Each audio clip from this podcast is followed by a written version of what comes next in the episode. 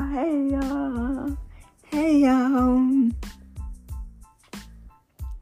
What's going on, y'all? Today episode is about to be quick and easy. Um, can we just please address the big deal with really going on in our community today because I did not really think our lives matter. Like it really, it really don't. But y'all, I believe in the world. I believe in God. This video, it, this podcast is about I believe. And it's a gospel song. It's new. It just came out. But yeah, it's really time for us to wake up and know that our voices need to be heard. On November, in November,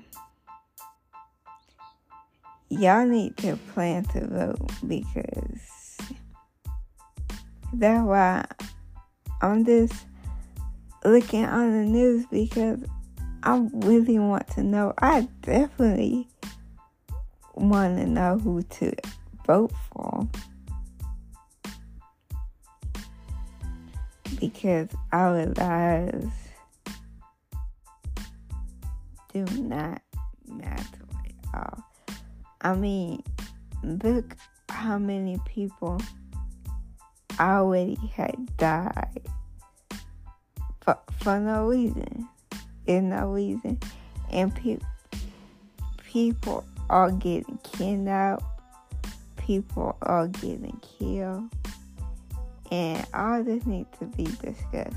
And my cousin, she sent me a whole bunch of stuff about black people.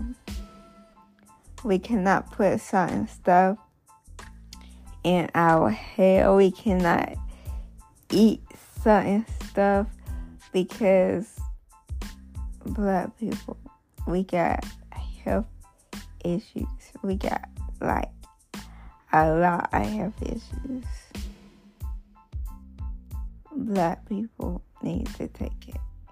But yeah, it it should not matter about the skin of your the skin, the skin you are in because I got white, I got white friends and they love me just the way I am.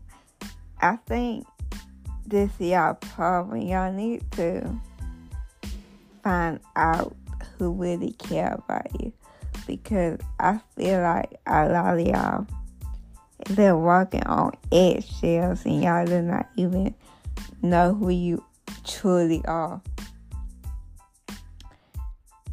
So that's all I gotta say.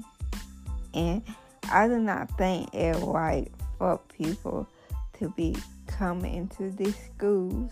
I used to go to school. And I got like baby cousins and stuff. And I cannot imagine losing them over the color of their skin. Y'all, this is too much.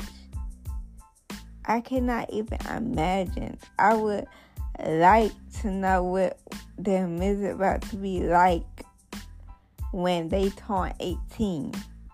I really do. But I do not want them to grow up too fast. I really do not.